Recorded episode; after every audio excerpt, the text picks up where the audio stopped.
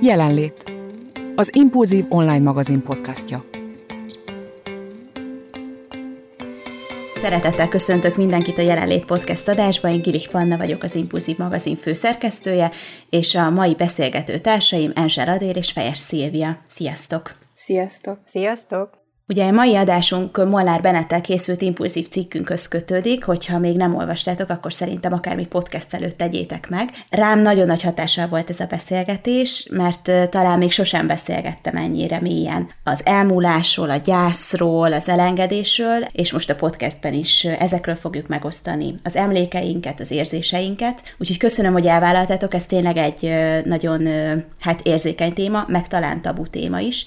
Nem tudom, hogy amikor cikket elolvastátok, akkor milyen érzések kavarogtak bennetek? Um, emlékek jöttek föl leginkább, ahogy a, ahogy a cikket végigolvastam, az én emlékeim, ahogy én elvesztettem bizonyos hozzátartozókat és családtagokat, leginkább az futott végig bennem, hogy én hogy éltem meg. Voltak hasonlóságok azzal kapcsolatban, amit Bennett mondott, és meg voltak különbözőségek is, és azon gondolkodtam el leginkább. Hasonlóan vélekedek, mint a dél egyébként. Furcsa talán ide ez a szó, de szerintem ez egy fantasztikus téma, és igazából beszélni kell róla, pont azért, mert annyira tabu, hogy mindenki magába zárja. És amikor olvastam a cikket, egy újabb érdekes szó jut eszembe, ami nem feltétlen kapcsolódik ide, hogy felszabadító volt. Tehát jó volt végre valami olyanról olvasni, ami, amivel igazából nem találkozom. Tehát szerencsére ritkán volt eddig jelen az életemben, úgyhogy érdekes érzések jöttek elő, főleg ugye itt a halottak napja kapcsán is, mint egy megalapozta, felkészítette a lelkemet az egészre, és Adélhoz hasonlóan nagyon sok emlékkép ugrott be, és elsősorban jó emlékek egyébként, emlékezni a, azokra, akik már elmentek. Ez milyen érdekes, hogy jó emlékek jutottak eszedbe róla, ez, ez, akkor te már átmentél azokkal az emberekkel a gyász folyamaton, tehát hogy már elengedted őket. Nagyon remélem, hogy igen, igen, igen, igen. Hogyha egy kicsit visszaugrunk az időbe, akkor a gyermekkorotokban emlékeztek arra, hogy mikor volt az a, az a pont, amikor tudatosult bennetek, hogy, hogy az élet véges? Hogy ez így megfogalmazódott bennetek? Gondolom, ez folyamatosan alakul, tehát nem úgy van, hogy egy hat éves gyerek ezt már így egyből tudja, de így milyen emlékek jutnak eszetekbe a gyermekkorotokból? Én konkrétan emlékszem, amikor először ezen gondolkodtam, és arra is emlékszem, hogy egy este volt elalvás előtt, és semmilyen halál kapcsolatos élményem a, abban az időszakban nem volt, tehát nem veszítettem el se családtagot, senkit. Szerintem ilyen 10-11-két éves lehettem, és lefekvés előtt elkezdtem gondolkodni rajta, hogy, és saját magamon, hogy én egyszer nem leszek. És órákig fetrengtem szerintem a sötétben az ágyban, még tényleg annyi, most is azon az ágyon ülök, ahol, ahol ez történt, és igazából azt sajnáltam, hogy én egyszer nem leszek. Tehát nem, nem is a rokonokkal vagy a szeretteimmel foglalkoztam, hanem azon gondolkodtam, hogy én egyszer megszűnök létezni, és akkor tudatosult bennem a halál. Tehát ez olyan érdekes, hogy a semmiből jött szinte. Amikor tudjátok, van, amikor ember elkezd lefekvés előtt mindenen gondolkodni, na és én akkor jöttem rá, hogy egyszer megszűnök létezni, és akkor így valahogy álomba sírtam magam, megsajnáltam magam, hogy na hát egyszer majd tényleg nem leszek ezen a földön, és aztán azóta sem volt ilyen. Tehát ez olyan érdekes, hogy egy 11-2 éves gyerek ezen elgondolkodik, legalábbis most így visszagondolva, hogy ez miből jött, vagy miért, nem is tudom, és azóta sem volt ö, ilyen szorongás, vagy, vagy szomorúság bennem e kapcsán.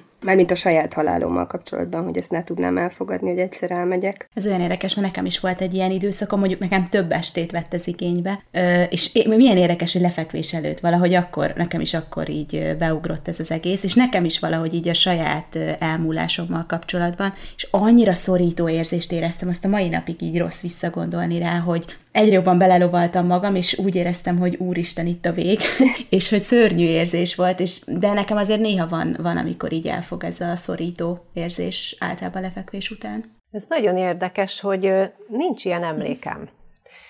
Úgy gondolom, hogy várhatóan én is gondolkodtam ilyeneken, és érdekes, hogy nem maradt erről semmiféle felidézendő dolog. Úgyhogy én így, ahogy a téma felmerült, és elkezdtem gondolkodni rajta, akkor ami eszembe jutott, az a, a nagyapám halála volt, amikor 16 éves voltam. Úgyhogy ezt tudnám úgy konkrét első olyan kapcsolódási pontnak megnevezni, ami a halálhoz köthető. Hát nyilván ezt már kamasz fejjel kicsit másképp éltem meg, mint ha teszem azt mondjuk hat éves koromban történt volna.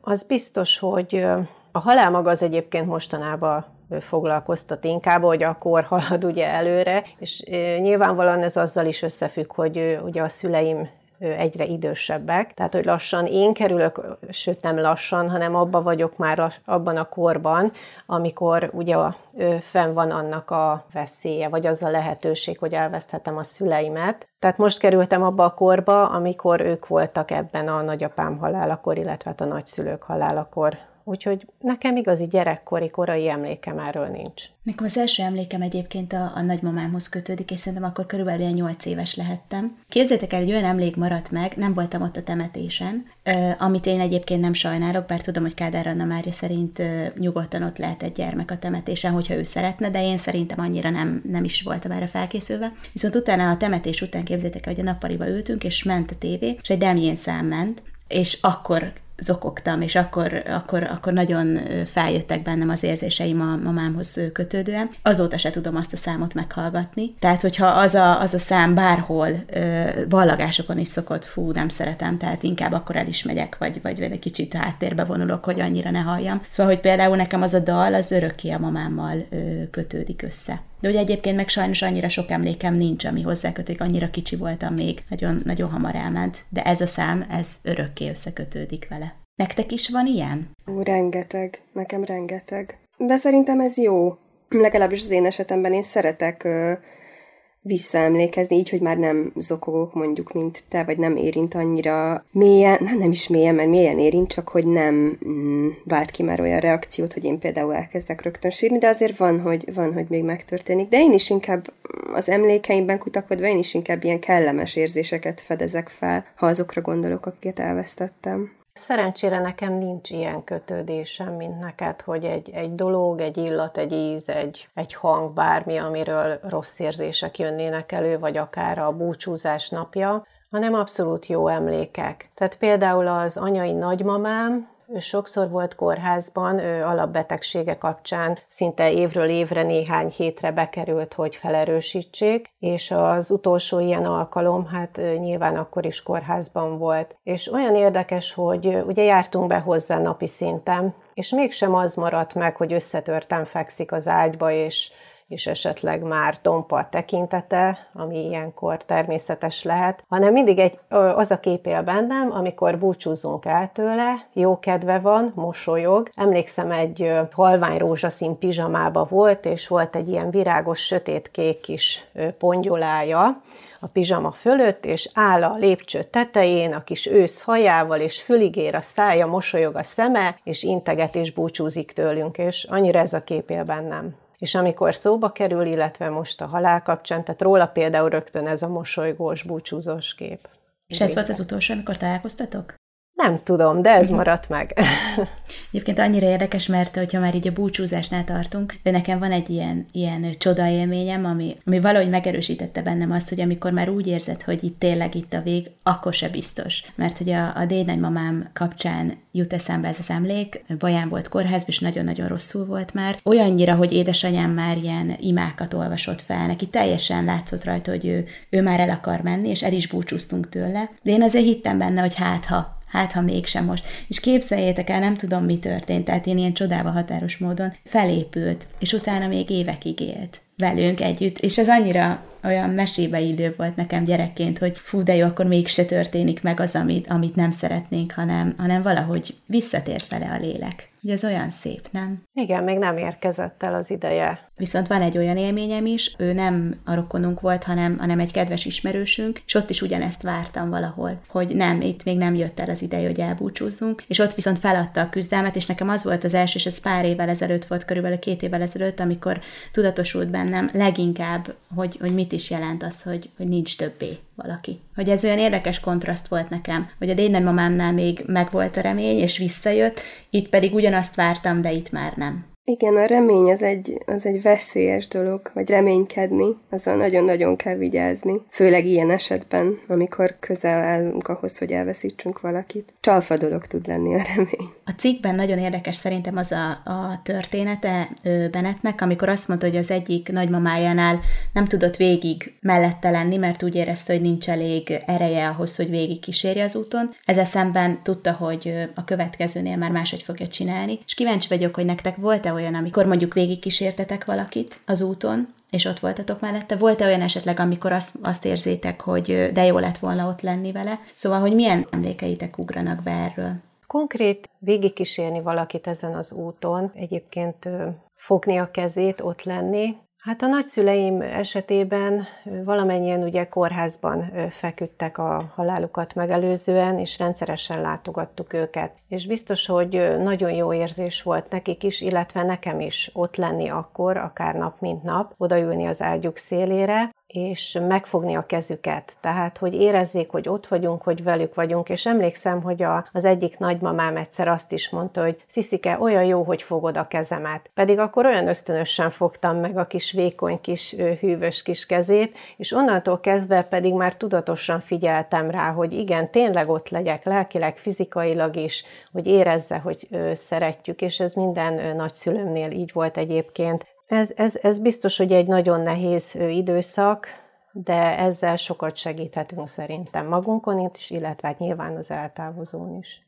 Hát én nekem ugye, ami a leginkább megrázó volt az édesapám halála, de őt akkor öt hónapokkal előtte nem láttam sajnos, Úgyhogy ez az ő esetében nem így volt. A nagyszüleim, amikor a, a nagypapámat elveszítettem, és az első ö, halállal kapcsolatos élményem volt, akkor én is 16 éves voltam. És ugye a nagypapámat minden hétvégén láttam, de ő is a kórházból ment el, tehát ö, oda már nem járhattunk be mi, mert akkor hát nem voltam már teljesen gyerek, de, de azért csak a szülők mehettek be, úgyhogy valahogy nem voltam ott soha az utolsó pillanatban, kivéve a nagymamámnál egy pár éve, Ö, ugye akkor én már nem laktam itthon Magyarországon, de valahogy pont haza tudtam jönni nyáron, amikor kórházban volt, és akkor is itthon voltam, amikor elment, és ez egy akkora nagy, hát szerencse, vagy nem is tudom, a sors ö, kegyének nevezhetem, hogy itt voltam, és még találkoztam vele, és én is emlékszem, hogy bementem egy nyári napon, és mindig nagyon szerette, hogyha ha ki voltam öltözve, ha lányosan voltam felöltözve, be volt fonva hajam például,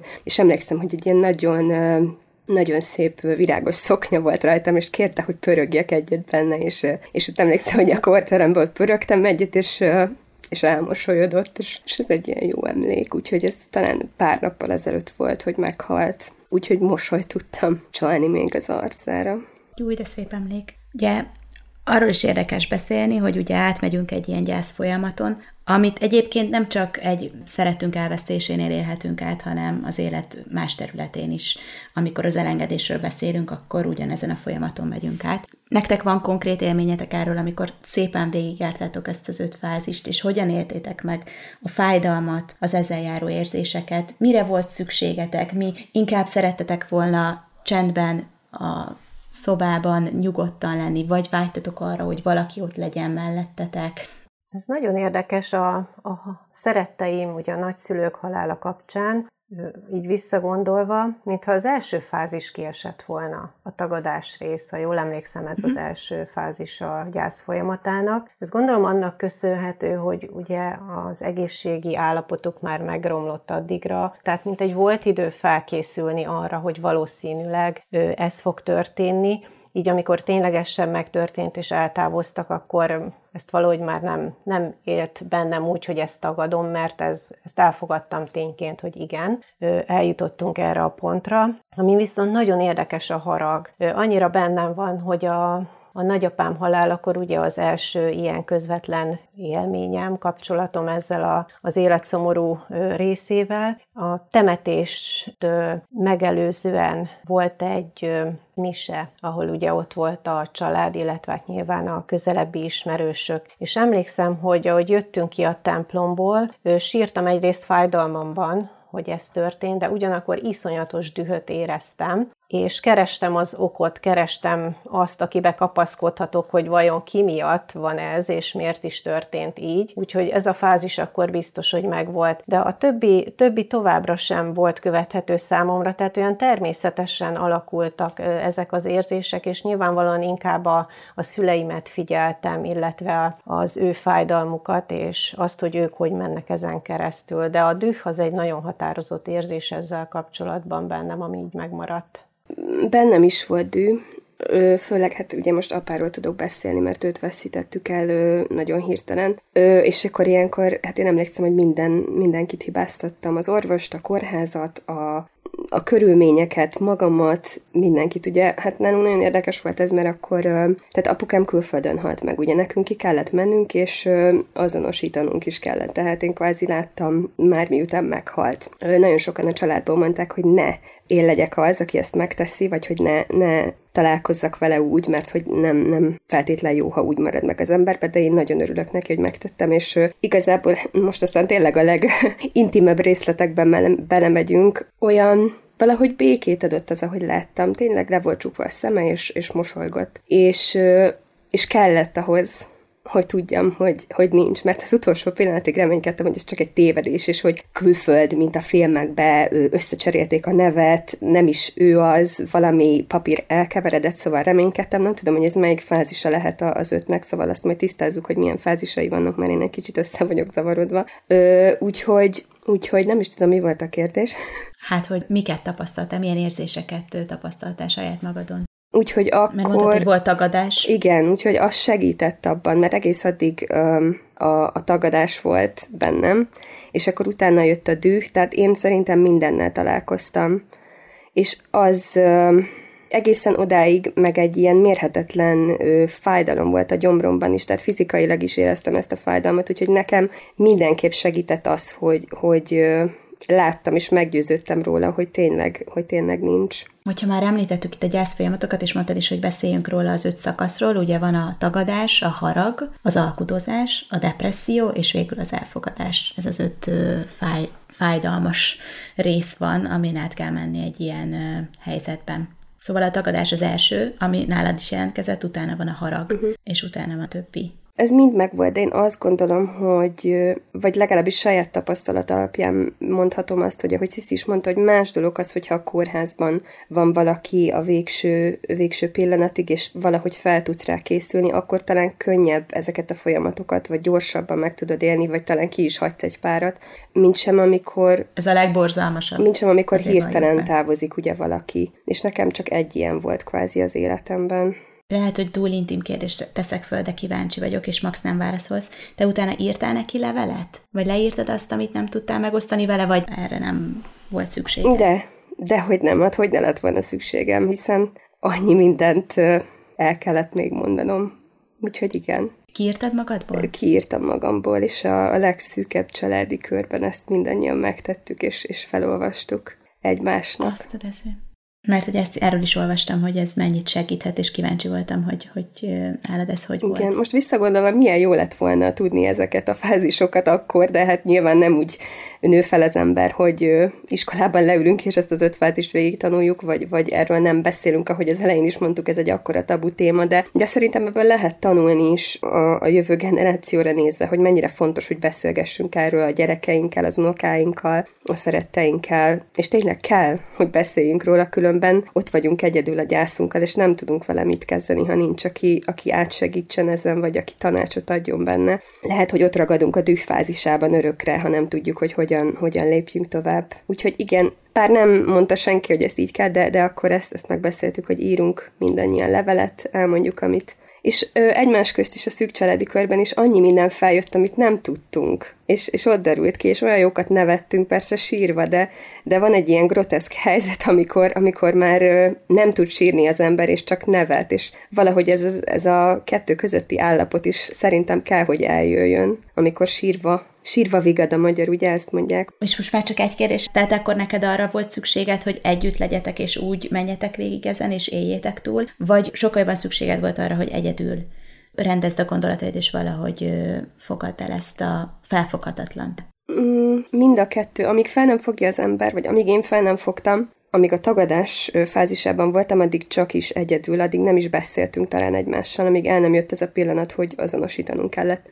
És utána valahogy egy pár nappal utána kezdtünk el, amikor az ember már elkezdi tervezni, a, ugye, vagy intézkedni a temetést, a, a papírokat, a, az administratív részét, mert azért sajnos tegyük hogy, hozzá, hogy ez is része. És valahogy akkor akkor, mikor fényképet kell keresni róla, mikor ezek a részletek előjönnek, és akkor kezdünk el egymással beszélni, és nagyon-nagyon fontos, hogy erről beszéljen az ember, viszont szerintem az is fontos, hogy a megfelelő emberekkel beszéljen róla, mert nem mindenki ismeri úgy azt, akit elvesztettél, nem mindenki tud úgy figyelni, vagy úgy megérteni. Tehát én nagyon-nagyon megválogattam, hogy kivel beszéltem róla. Meg kell találni azokat az embereket, akiknek ugyanolyan fontos volt, mint neked az elvesztett személy. Ugye az is érdekes kérdés, hogy mit kezdünk a másoknak a fájdalmával, és hogyan tudunk mellette jól segíteni neki, vagy hogy is mondjam, nem is tudom, hogy lehet ebben a helyzetben segíteni. Szóval, hogy nektek erről mi a véleményetek, hogy sokszor szerintem egy ölelés többet ad, és többet tud segíteni, mint mondjuk bármilyen szó, mert mit tudsz ilyenkor mondani? Vagy a meghallgatás, gondolom, de nem tudom, hogy ti erről mit gondoltok. Bocsánat, de nekem ehhez is van egy élményem.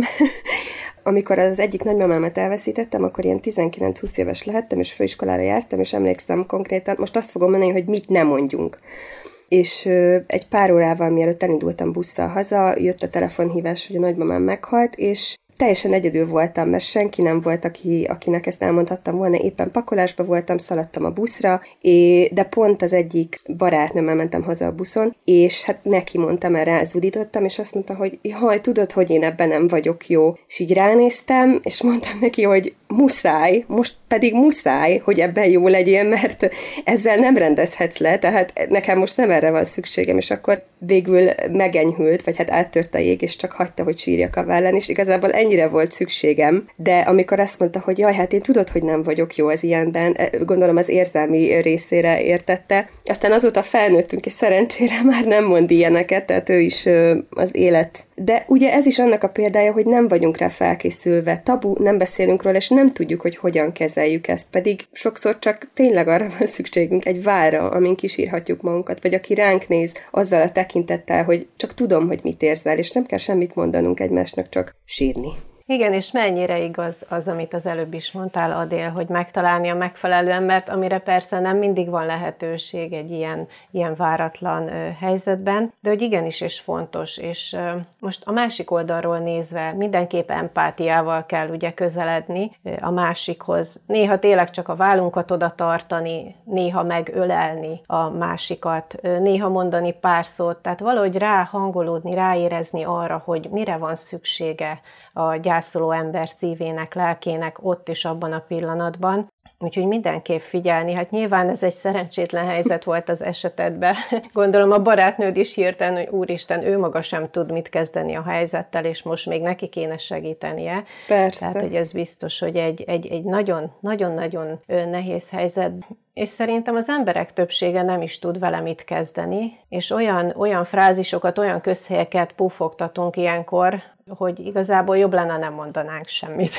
Inkább csak odafordulnánk egy öleléssel és a vállunkkal, mert egy ilyen helyzet, hogy szed már össze magad, majd jobb lesz. Az idő megoldja. Majd enyhülni fog, tehát olyan, de szerintem ilyenkor maga az ember próbálja magát nyugtatni, hogy valamit csak kell mondanom, és ez majd biztos segít. Tehát, hogy ilyenkor is sokan magukra figyelnek inkább, nem a másikra. Tehát az empátia az, az nagyon fontos. Ugye alapból ez a kérdés, a halál kérdése, az, az teljesen tabu, erről már sokat beszélgettünk itt a podcast adásban, az meg végképp, hogy mondjuk a férfiak mennyire engedhetik meg maguknak azt, hogy az érzelmeiket vállalják, és mondjuk akár sírjanak. És ezzel kapcsolatban most van egy friss élményem, remélem a testvérem nem sértődik meg, hogy elmesélem. Pont voltunk, ugye halottak napján mentünk a temetőkbe, és nekünk távolabbra is kell menni, úgyhogy elég hosszú útjaink vannak ilyenkor, de ilyenkor mindig együtt vagyunk, és valahogy ez annyira, annyira jó, és szeretjük is ezeket az alkalmakat. És ö, egyszer csak a zene elkezdett, új, új egy újabb zene ö, szólni a, a rádióban, és ö, hallgattuk, hallgattuk, és egyszer csak azt vettem észre, hogy én vezettem, hogy mintha sírna mellettem a testvérem. És ö, nagyon úgy összeszorult a gyomrom, és nagyon ö, átéreztem a fájdalmát, ez a dal nem olyan régen egy temetésen szólt, és ott is nagyon megérintett bennünket, és annyira jó volt, én büszke voltam rá, szóval annyira jó volt látni azt, hogy meri vállalni az érzéseit, és az a dal olyan érzéseket keltett benne, amit szeretett volna így kiadni magából. Szóval szerintem nem baj az, hogyha, sőt, szerintem kell, hogy a férfiak is olykor engedjék az érzelmeiket a felszínre hozni, és ha kell, akkor sírjanak. Szerintem ez nem is kérdés. Igen, ez egy nagyon fontos dolog. Szerintem ebben mind a hárman egyetértünk, hogy, hogy fontos. Tehát nem attól férfi egy férfi, hogy nincsenek könnyei.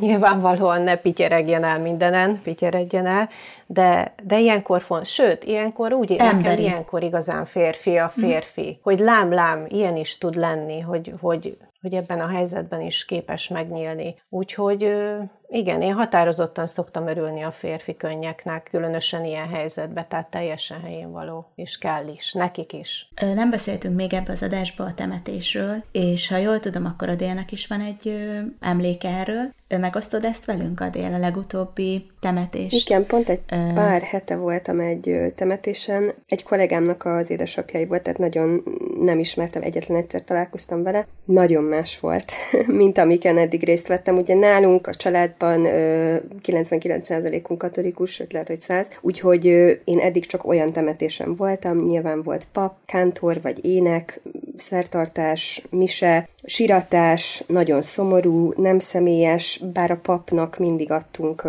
egy rövid szöveget, amit, amit felolvasott azokról, akik, akik elmentek ezzel egy kicsit személyesebbé téve az életükről, de nyilván a pap az egy idegen, tehát az ő szájából elég másként hangzik. Persze abban segít, hogy hallok, hallok néhány sort arról, akit elvesztettünk, és ez segít, de a, az a temetés, ami most voltam, ez abszolút nem egy vallásos temetés volt, és itt a családtagok olvastak ö, pár sort az elhunytról, így a gyerekei, az unokái, a felesége, akik 50 plusz éve ismerték, és mindent tudtak róla, és és teljesen más volt. A közeg is, a hangulat, tehát volt egy pont, amikor mindenki énekelt, az egész közönség, mert ezek között a kis részek között, amikor a családtagok felolvasták az emlékeiket, és igazából csak az emlékeiket olvasták el, de mindenkit megnevette, mert mindenki ismerte azt az embert, akiről beszéltek, és, és mindenki fejében ugyanaz volt belőle a huntutsága, a rossz tulajdonságai, a jó tulajdonságai, és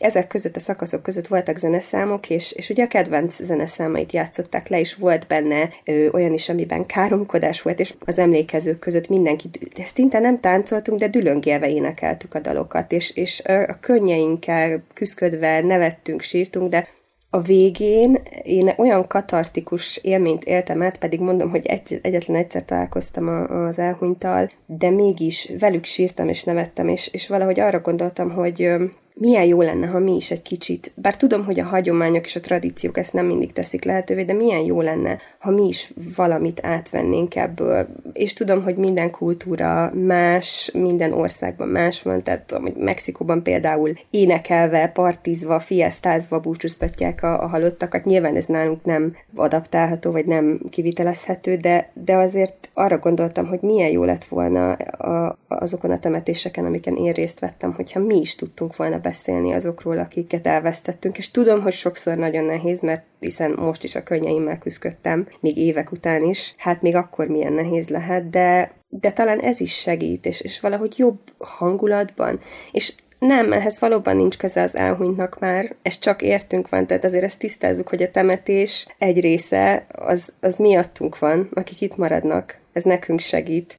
Szóval Szóval abban, hogy mi, akik itt maradunk, ez szerintem nagyon sokat számít, hogy hogyan búcsúzunk el attól, akit elvesztettünk. Úgyhogy ez egy nagyon pozitív élmény volt, és, és még magunknak se vertük bevallani utána a, a barátnőmmel, akivel elmentünk a temetésre, de, de azt mondtuk, hogy ez egy jó temetés volt, és tudom, ez nagyon groteszken hangzik, de, de valóban így volt, így távoztunk ezzel az érzéssel. Szerintem lehet egyébként adaptálni a mi kultúránkba is, mert hogy én is hasonló élményt szerettem volna megosztani veletek, mert hogy az a temetés, ahol pedig én voltam, nekem se volt, a, akitől búcsúztunk, túl szoros a viszonyom nem volt vele, de tiszteletből elmentem, és ott pedig képzeljétek el, egy édesapától búcsúztunk, és azért mondom így, mert hogy a lánya írta a szöveget. És én ilyen típusú temetésen még sose voltam, tehát általában ez a hideg-rideg szöveget felolvassuk mindenkinek ugyanazt, igazából pár mondatot ki tudsz belőle szedni, ami megérint, azért túlságosan nem személyes, de hát ez, tehát itt Punami masszív koncert élményen át, itt ebben minden volt, és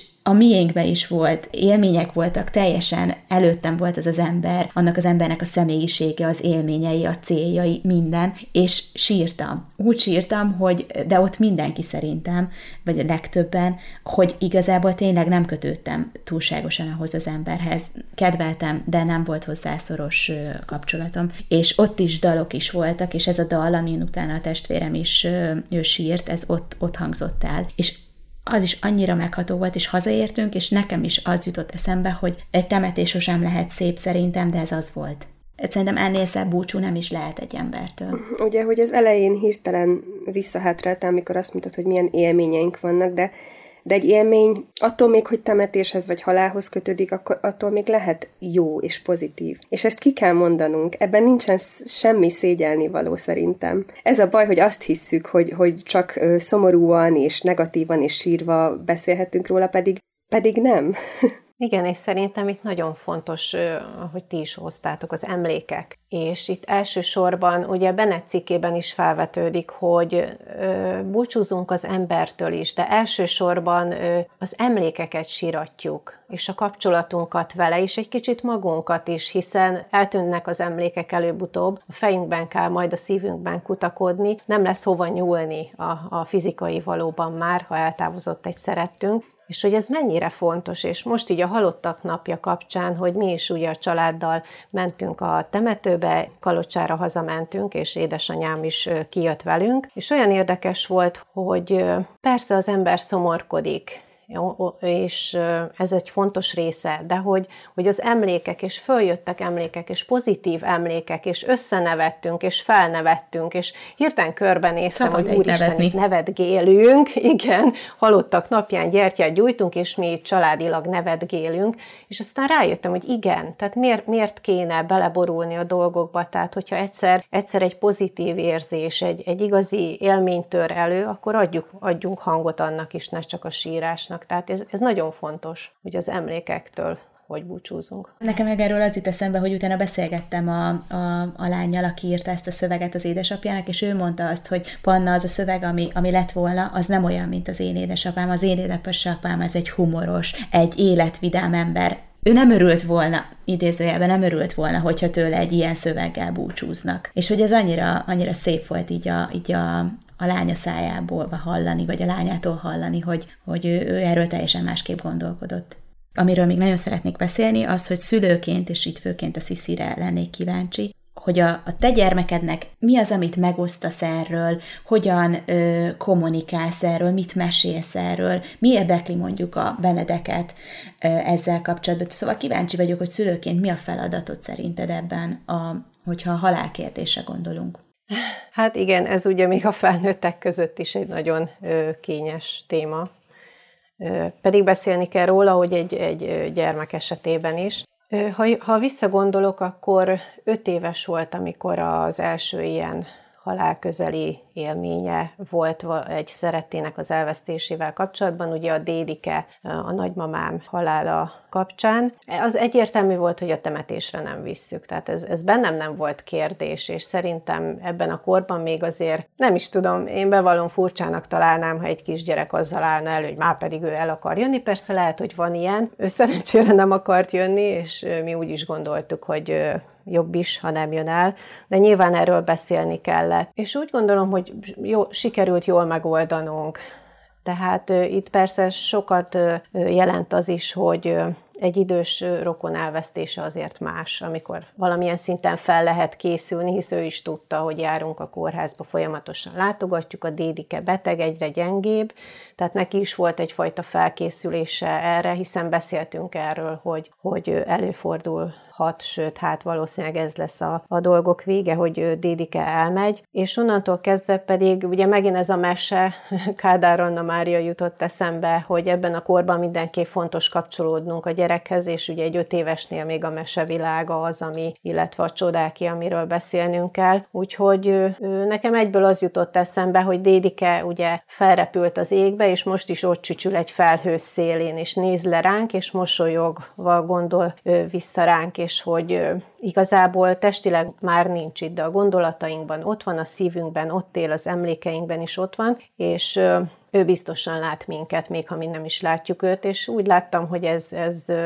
ez neki jó volt, elég volt ott és akkor. Másik érdekes dolog, hogy pont ugyanekkor vesztette el a kis házi állatát is, egy aranyhalacskát. Az fura azt mondanom, de az nehezebb volt, számomra legalábbis, mert az akvárium a szobájában volt, és ez a szerencsétlen hal, hát pont este sikerült eltávoznia, és az a szörnyű érzés bennem, hogy Úristen, hogy fog így a gyerek elaludni? Mit fog álmodni? Mit mondjak neki? Bevallom őszintén nem emlékszem már pontosan, hogy mit és hogy mondtam, de az, arra igen, hogy ott ültünk az ágya szélén az édesapjával együtt, és hát megmondtuk, hogy a halacska beteg volt, eljött az ideje, nagyon szerettük. Tehát egy, tényleg egy szülőként egy ilyen helyzetbe csöppenni nagyon nehéz, mert ugye ő még igazán el se tudja mondani, hogy mi zajlik a kis fejébe és a lelkébe, de valahogy csak sikerült jól megoldanunk, és szerintem nagyon fontos volt itt viszont, amit, mint kiderült, ő is fontosnak tartott, hogy eltemessük közösen a halacskát. Egy gyönyörű dobozt vásároltunk neki,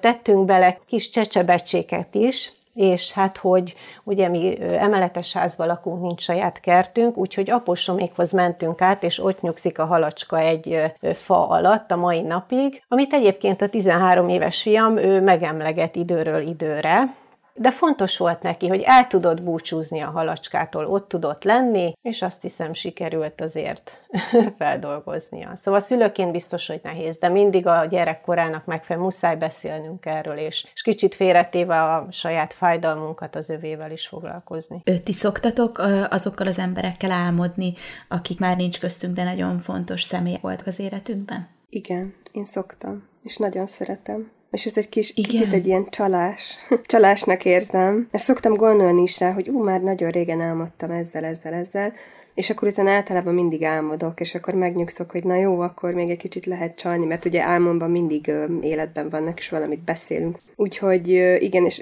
az is nagyon érdekes, hogy a testvéremmel például apáról mindig nagyon-nagyon hasonlókat szoktunk álmodni. Ezt már számtalanszor megbeszéltük, hogy ö, nagyon érdekes az agyunk, Annyira szeretnék még többet tudni róla, hogy hogy működik. De igen, ahogy, ahogy Bennett cikkében is olvastam, kisé túlvilági, vagy nem is tudom, hogyan nevezzem azt az élményt, amit ő leírt. Szerintem mindenki élt már e, e, át olyat halál kapcsolatban, vagy halál után, amit nem tud megmagyarázni, legyen ez egy álom, egy szituáció, amiben találta magát, és azt mondja, hogy ez hihetetlen, mert valaki pont azt mondta, vagy pont úgy történt, ahogy ahogy ezzel az illetővel, akit elvesztett, szóval biztos, hogy mindannyiunkkal történtek már megmagyarázhatatlan dolgok. Én nem vagyok annyira nagyon spirituális, de, de azért szoktam látni jeleket, amiktől megnyugszom, hogy, hogy lehet, hogy még mindig tényleg ott csücsülnek a felhőn, és néznek le ránk azok, akik, akik nincsenek velünk, és jeleznek nekünk, és ez egy ilyen, hát ez megint csak a saját magunk megnyugtatása, de ugyanakkor biztos, hogy nem minden ilyen szituációt én generálok. Tehát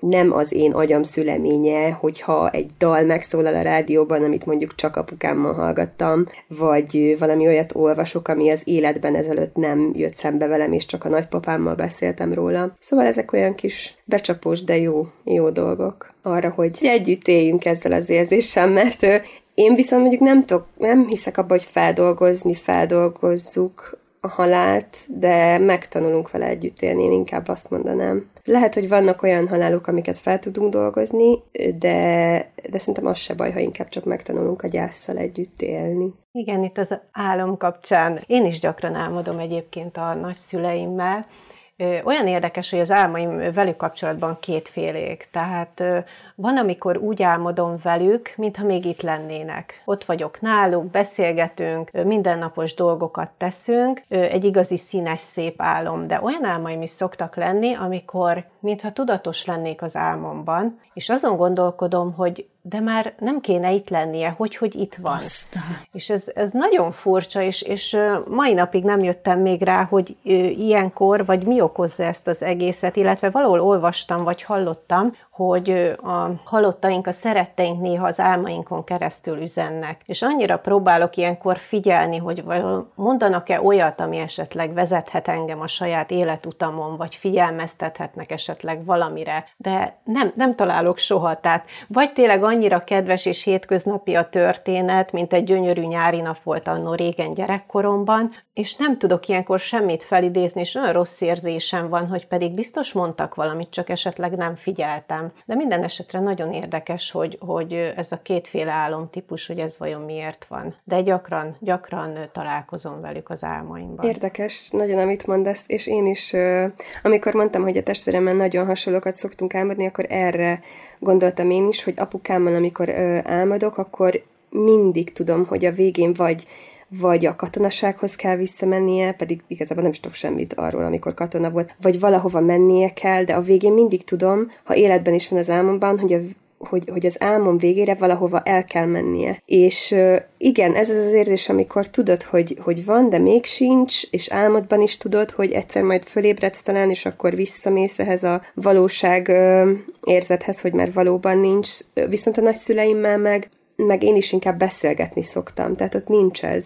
És valahol arra gondolok, hogy ezért, mert ugye, hogy, hogy, hogy ez a váratlan halál ahhoz vezethető vissza, hogy ilyenkor még mindig feldolgozom, vagy beszélgetek vele, vagy beszélünk. És akkor ezeket az álmaidat így elemezni is szoktad? Vagy azért nem szoktál ennyire belemerülni, hogy vajon ez mit jelenthetett? Vajon akkor most ezzel mit üzenhetett? Vagy... Mm, eddig nem. Most, ahogy a Sisi mondta, most ezen kezdtem el gondolkodni, hogyha legközelebb ilyen történik, akkor lehet, hogy én is elgondolkodok rajta, hogy vajon üzene vele, vele valamit. Mert eddig ezen nem gondolkodtam. Én nagyon ritkán álmodok a nagymamámmal, vagy a déd nagymamámmal. Ez olyan érdekes, hogy nagyon ritkán jön elő. Mondjuk nekem, hála Istennek, még nem ment el olyan ember az életembe, aki annyira nagyon közel állt volna hozzám, és, és már felnőttként engedjem el, szóval ez biztos teljesen más. Nem gondoltam, hogy ennyit fogunk erről a témáról beszélgetni, de még nagyon sok minden van benned. Az érdekel, hogy mit gondoltok arról, hogy, hogy azért a halálhoz való viszonyulásunk az azért kezd teljesen átalakulni. Tehát ez biztos az online világnak is köszönhető, hogy ott résztvét nyilvánítás, nekem az is megdöbbentő őszintén szólva, hogy az, hogy mondjuk a profilképét valaki átváltja, és azzal jelezni, vagy üzenni szeretne valamit, az, az, az valamilyen szinten érthető, és lehet, hogy az neki segítség is, hogy tovább lépjen, vagy elfogadja ezt a helyzetet, de hogy valahogy olyan személytelenné vált számomra az. Van, amikor egy posztot, mondjuk egy halálhírről szóló posztot valaki kedvel, akkor szívecskész, tehát hogy, hogy, tehát hogy olyan nekem abszurd az egész, de kíváncsi vagyok, hogy ti erről mit gondoltok. Hát én nem vagyok egy nagy technikai zseni, eleve a Facebook és a közösségi oldalak nekem egy, egy nagyon idegen világ. Igazából csak a munkám kapcsán ö, ö, léptem ide be, tehát ha, ha nem lenne szükség rá, akkor a mai napig távol tartottam volna magam tőle. És ugye hát nyilvánvalóan az ismerősök kapcsán jönnek, látok ilyen ö, posztokat, megjelenéseket, és igen, ott van bennem az az érzés, például legutóbb az egyik volt gimnáziumi osztálytársam, akivel egyébként is jó kapcsolatban voltunk, sőt már általános iskolában is egy osztályban jártunk, hogy ő neki halt meg a, az egyik szülője, és hát ugye mindenki ott üzengetett neki, akár írt pár sort, akár lájkolt, ugye ez a legszörnyűbb, hogy egy lájkolás, tehát akkor már küldök egy ölelést, de nyilvánvalóan a lényeg, hogy reagáltak rá, és nyilvánvalóan neki is fontos volt, hogy egyrészt tudassa azokkal, akiknek tudniuk kell, és mégsem kell beszélnie, tehát biztos, hogy ez is fontos, ez egy rövid és gyors út arra a gyászoló részéről, hogy egy olyan hírt osszon meg, a, ami fájdalmas számára, de azt a megoldást választottam, hogy én messengeren keresztül személyesen, privát üzentem neki, és írtam le azt a pár sort, amit jónak találtam, és maximum egy ölelést küldtem láthatóan, mert olyan rossz érzés volt bennem, ha nem reagálok, akkor az volt bennem, hogy esetleg azt hiszik, hogy ez engem közömbösen érint, és nem foglalkozom vele, ami nem igaz, de ugyanakkor meg úgy vagyok vele, hogy már elnézést, kinek mi köze hozzá, hogy én hogy érzek, vagy mit gondolok erről, mert hogy ez egy olyan személyes dolog, de ugyanakkor biztos, hogy a gyászolónak fontos bármilyen formája is annak, hogy erről hírt adjon, vagy bármit is mondjon, közöljön, tehát hogy szükségét érzi, akkor, akkor igenis tegye meg, és mi többiek meg majd eldöntjük, hogy hogyan reagálunk erre. Úgyhogy igen, ez egy nagyon érdekes jelenség manapság. De egyébként, ha jól emlékszem, Adél a nagypapád halála után a profilképedet megváltoztattad, és na, az látod egy olyan, ugye mi jobban ismerjük azért egymást már jó pár éve, és amikor megláttam, érdekes, ugye egy haláleset, egy szomorú dolog, mégis olyan jó érzések fogtak el, ahogy ránéztem erre a profilképre, hogy ott vagy a nagypapáddal. Tehát jó dolog is tud ez lenni. És ha kell akkor ott a helye. É, igen, most én is ezen gondolkoztam, hogy a Panna feltette ezt a kérdést. Ő, én nem írtam ki sehova, hogy meghalt, de valóban miután, hát nem közvetlenül, de egy pár héttel után, azt hiszem, hogy pár nappal utána ő, lecseréltem a képemet, és vele vagyok, és és senki nem írta oda, hogy, hogy részvétel, mert ugye nem írtam ki, hogy meghalt, és nyilván a Facebookos ismerőseim nem tudják, és nem is baj. szóval, hogy én tényleg azt azért raktam ki, ez egy annyira szép és vidám kép, és nagyon-nagyon jó emlékem kapcsolódik hozzá, és én ezt azért cseréltem le, és nem vártam azt, hogy sőt, reméltem is, hogy nem az lesz, hogy ú, jaj, csak nem meghalt, és szerencsére nem is ez volt. Ö, amikor valaki kirakja, hogy valaki meghalt, akkor ö, és lájkolják, én sem szoktam. Én még nem tudok ezzel egyelőre mit kezdeni, mikor ki írják.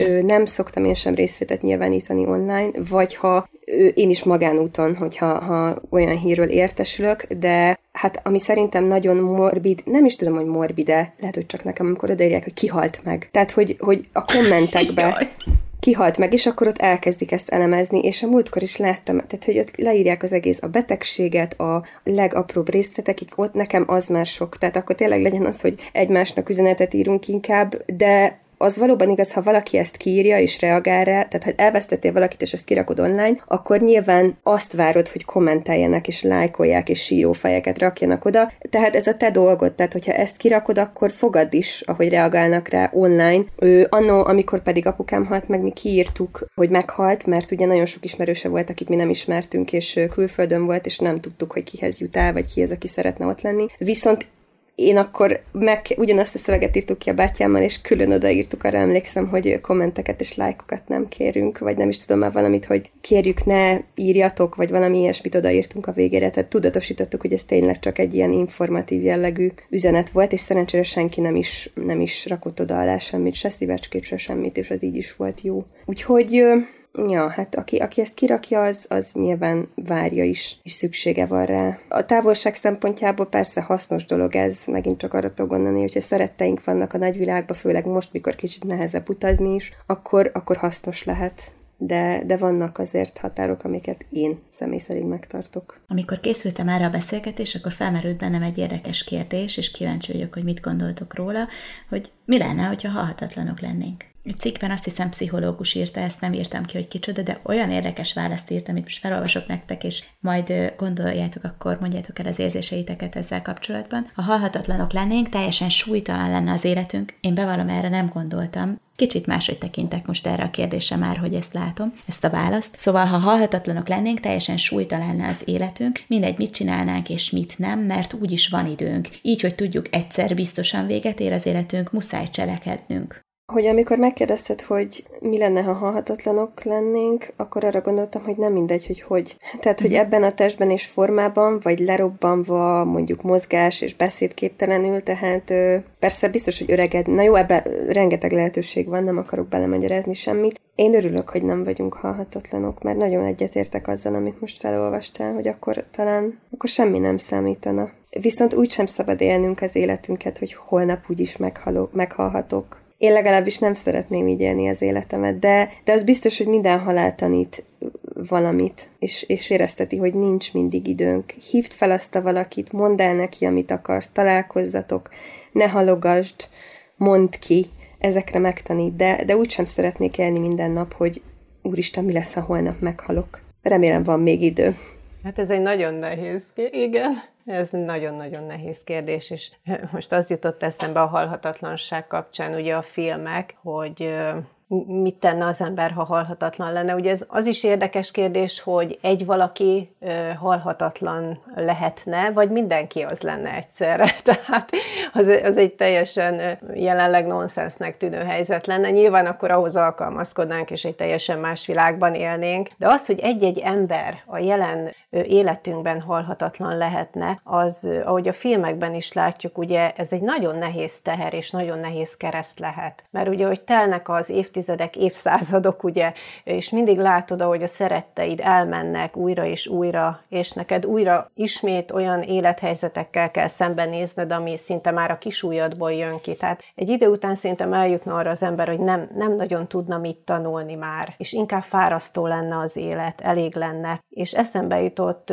a nagymamám, az egyik nagymamám, hát ő ugye 92 éves korában halt meg, tehát nagyon sok évet lehetett itt velünk betegeskedett sokat, nem volt igazán, én, én nekem mindig, tehát ő szellemileg nagyon friss maradt az utolsó pillanatig, és fizikailag, ahogy én láttam, fizikailag sem volt annyira rossz állapotban, és olyan megdöbbentő volt hallani a szájából, hogy egyszer egy, egy ilyen betegebb időszakban a halála előtt, hogy azt mondta, hogy, hogy olyan jó lenne már elmenni elég volt már, és ezt olyan nyugodtan tudta kimondani, hogy olyan megdöbbenve hallgattam, és, és valószínűleg ezért is volt könnyű elengedni őt, mert egyszerűen lélekben, ha az ember elér egy bizonyos korig, megéli az élettapasztalatait, már úgy érzi, hogy nagyon nincs mit tanulnia, és, és nagy szerencsénk van, hogy ugye a test öregszik, mert ezt egy fiatal ö, életigenlő és erős testtel biztos nehezebben fogadnánk el, hogy nincs tovább, de hogy már a test gyenge, képtelen a fizikai aktivitásra, és a szellem is eljut arra a szintre, hogy elég volt, szép volt, jó volt, sokat tanultam, szeretlek benneteket, de, de jó lenne már elmenni. Bocsánat, de nekem is nagyon, nagyon hasonló, amit a nagypapámmal éltem át az utóbbi pár évben. Mikor hazértem, akkor mindig ő volt az első, ő, mentem hozzá, és nagyon is szerettem a beszélgetéseinket, és ő is ő, szellemileg az utolsó pillanatig toppon volt, tehát arról ne is beszéljünk, hogy az ő memóriája meghazudtól egy 20 éves memóriája, tehát emlékezett rá, hogy mit tudom én, 62. december 17-én mit csinál, de tényleg nem túlzok, és és ugye mondogatta már a vége felé, mikor, mikor fájdalmai voltak, vagy itt fájt, ott fájt, és mondta, hogy hát, meg ha egyszer nem leszek, és mindig csak legyintettünk, hogy papa, ne is beszéljünk erről. És aztán a, az utóbbi pár évben, mikor elkezdett erről beszélni, akkor már nem legyintettem, mert, mert szerette, szeretett volna erről beszélni, és meg kell hallgatnunk, és meg kell értenünk, és azt mondta, a, pont a, legutóbb, a legutolsó beszélgetésünkkor is mondta, hogy unom, unom, hogy minden nap ugyanazt csinálom. Azt mondja, unom egy kicsit. Olyan jó, mikor itt vagytok, akkor tudunk beszélgetni, de egyébként unom. És megér- megértettem, és elfogadtam. És tényleg meg lehet érteni, amikor, amikor érzik, hogy itt az idejük, és el kell menniük, és nekünk ezt el kell fogadnunk, és nem szabad legyintenünk, és annyit mondunk rá, hogy ugyan ne is említsd ezt, mert, mert ők gondolnak rá, és muszáj, hogy ezt, hogy ezt megosszák velünk akik ott vagyunk velük, hogy meghallgassanak, hiszen annyi, annyira nehéz, gondolom, mikor 8, az én papám is 90 éves volt, most egy pár hónapja halt meg egyébként, hogy nagyon sok minden, mindenki, akit ott ismert fiatal korától, elmentek, és azokat a beszélgetéseket sem tudja már lefolytatni, amiket mondjuk x évvel ezelőtt azokkal az emberekkel, mert nincsenek körülötte, lecsökken az ismerőseik száma, a barátaik száma, ugye csak a szűk család marad nekik, és valljuk be, hogy mi velünk nem lehet mindenről beszélgetni, amiről, amiről ők beszélgetni szeretnének, úgyhogy, úgyhogy ezt tiszteletbe kell tartani, amikor, amikor ők erről beszélnek, és, és úgy érzik, hogy menniük kell. El kell engednünk őket felkavaró volt erről beszélgetni, de ugyanakkor meg azt érzem, amit a Sziszi a, a cikk kapcsán mondott, hogy egy kicsit úgy megnyugodott a lelkem nektek is, vagy mit éreztek most így ezután, hogy egy órát beszélgettünk egy olyan témáról, amiről tényleg nagyon nehéz beszélni, és nagyon szépen köszönöm, hogy ennyire ö, megnyíltatok, és ennyire mertétek vállalni az érzéseiteket. Hát nehéz volt.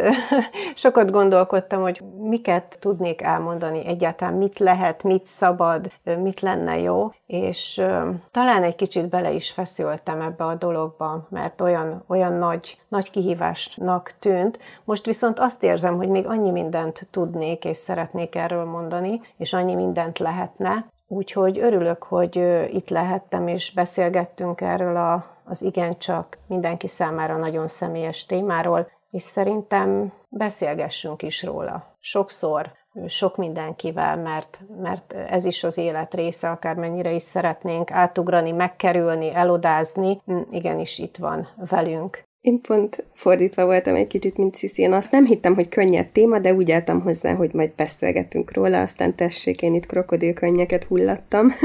Úgyhogy nehezebb volt, mint gondoltam, viszont örülök neki, hogy, hogy beszéltünk róla, meg megint tanultam új dolgokat, például az, az, amikor az álmokról beszélgettünk, ezen majd még gondolkodok ma szerintem, de fontos, hogy beszéljünk róla, úgyhogy ha valaki most éppen a gyászsal küzdik, akkor remélem, hogy tudtunk egy kicsit segíteni benne, és nekem is nagyon sok minden van még a fejemben, amiről tudnánk beszélgetni, úgyhogy remélem, hogy fogunk majd még. Mindenképpen. Köszönöm, nagyon hálás vagyok nektek hogy vállaltátok ezt a beszélgetést. Én is köszönöm. Sziasztok! Sziasztok! Köszönjük, hogy jelen voltál. Keresd az Impulzív online magazin podcastját az ismert csatornákon, a Spotify-on, a Soundcloud-on és az Apple podcastok között, valamint az impulzívmagazin.hu weboldalon. Tarts velünk legközelebb!